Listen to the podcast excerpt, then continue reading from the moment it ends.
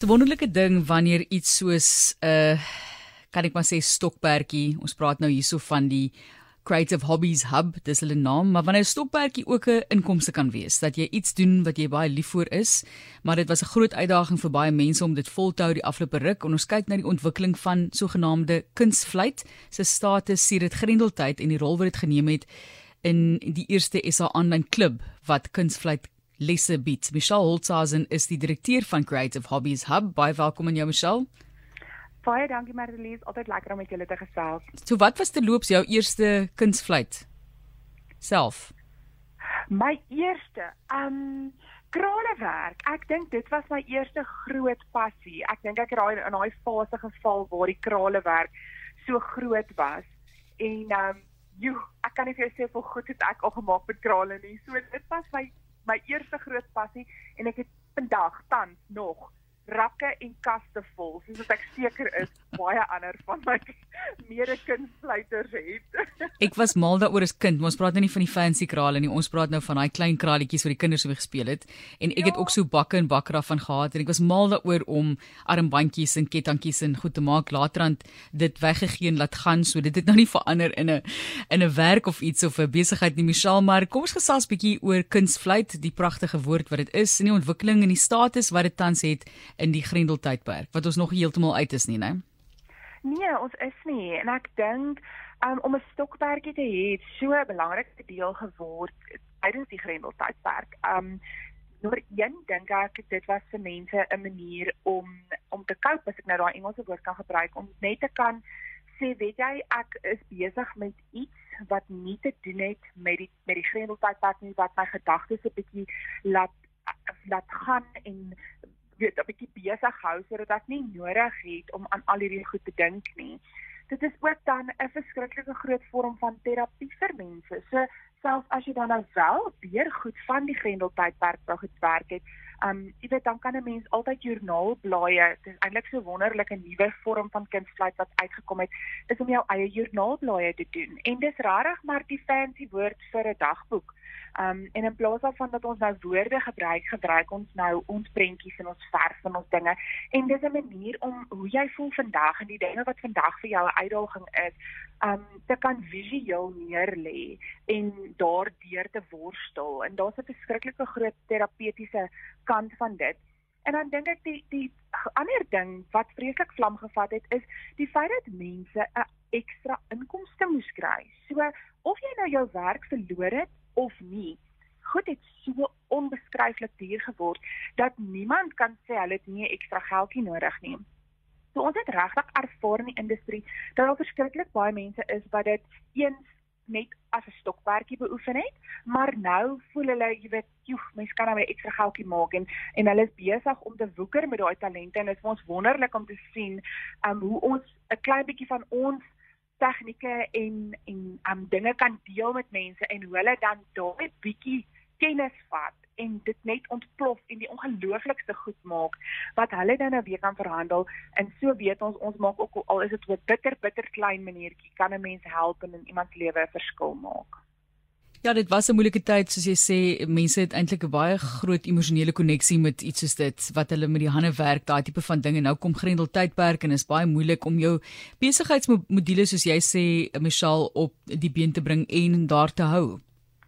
Ja, ek dink so. Jy weet mense het so ek ek dink ook die Grendel tydperk het ons ook baie baie nuwe besighede nou weer lewe gegee en onder andere dit wat ons besigheidsmodule gedoen het, weet ons was een van die eerstes wat aanlyn werkswinkels aangebied het.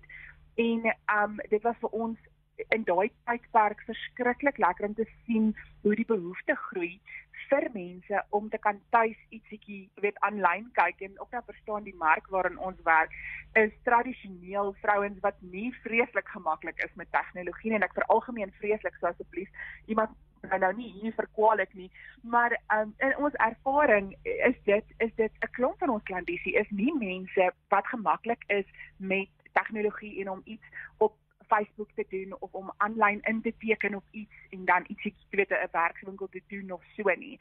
En daai het vir ons het so 'n mooi geleentheid gegee in hierdie chaos dat mense 'n bietjie daai vrees aanvat en hoe vreeslik baie tyd en moeite ons spandeer het. Dit ons het step by step goed gemaak van hoe moet jy dit doen en waar moet jy daai knoppie moet jy so druk en daai knoppie moet jy so druk.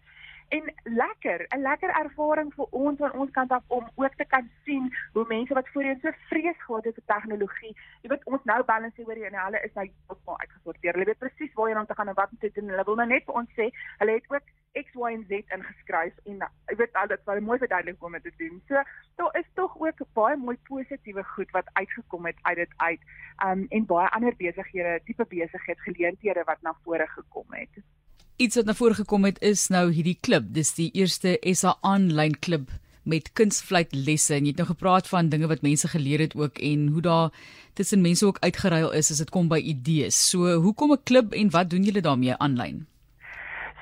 Ehm um, tradisioneel was ons besigheidsmodel toe ons nou weggespring het daarmee uh, net so voor die Grendeltydperk het ons net dit begin is is jy kon 'n aanlyn werkswinkel individuele klasse koop en dan doen jy jou werkswinkel by die huis wanneer jy tyd het.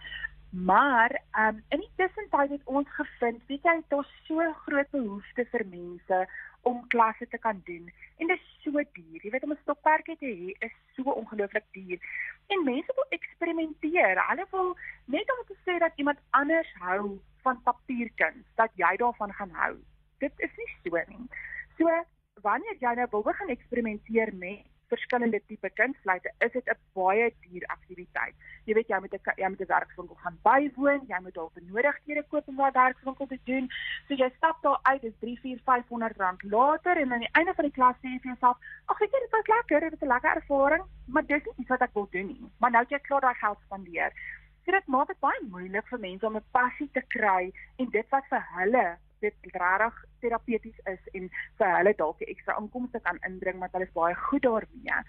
So die klap het half daar uitgevloei dat ons kan dat ons sê weet jy wat ons wil hier mense moet kan eksperimenteer. Dit ons passie is 100% om mense te leer hoe om beter kunsfluiters te wees. Hoe om net soos hulle self te kan uitdruk in dit in hulle kuns en dit wat hulle doen en om vir mense te leer en te wys dat So dit is 'n spesiale tipe mens wat dit doen. Ons almal is kreatief en dit is vaardighede wat jy kan leer. Almal kan dit leer. En so het ons besluit, weet jy wat, ons staan tans op so 70 werkswinkels wat ons alreeds in die mark um vrygestel het en wat ons gedoen het en gemaak het.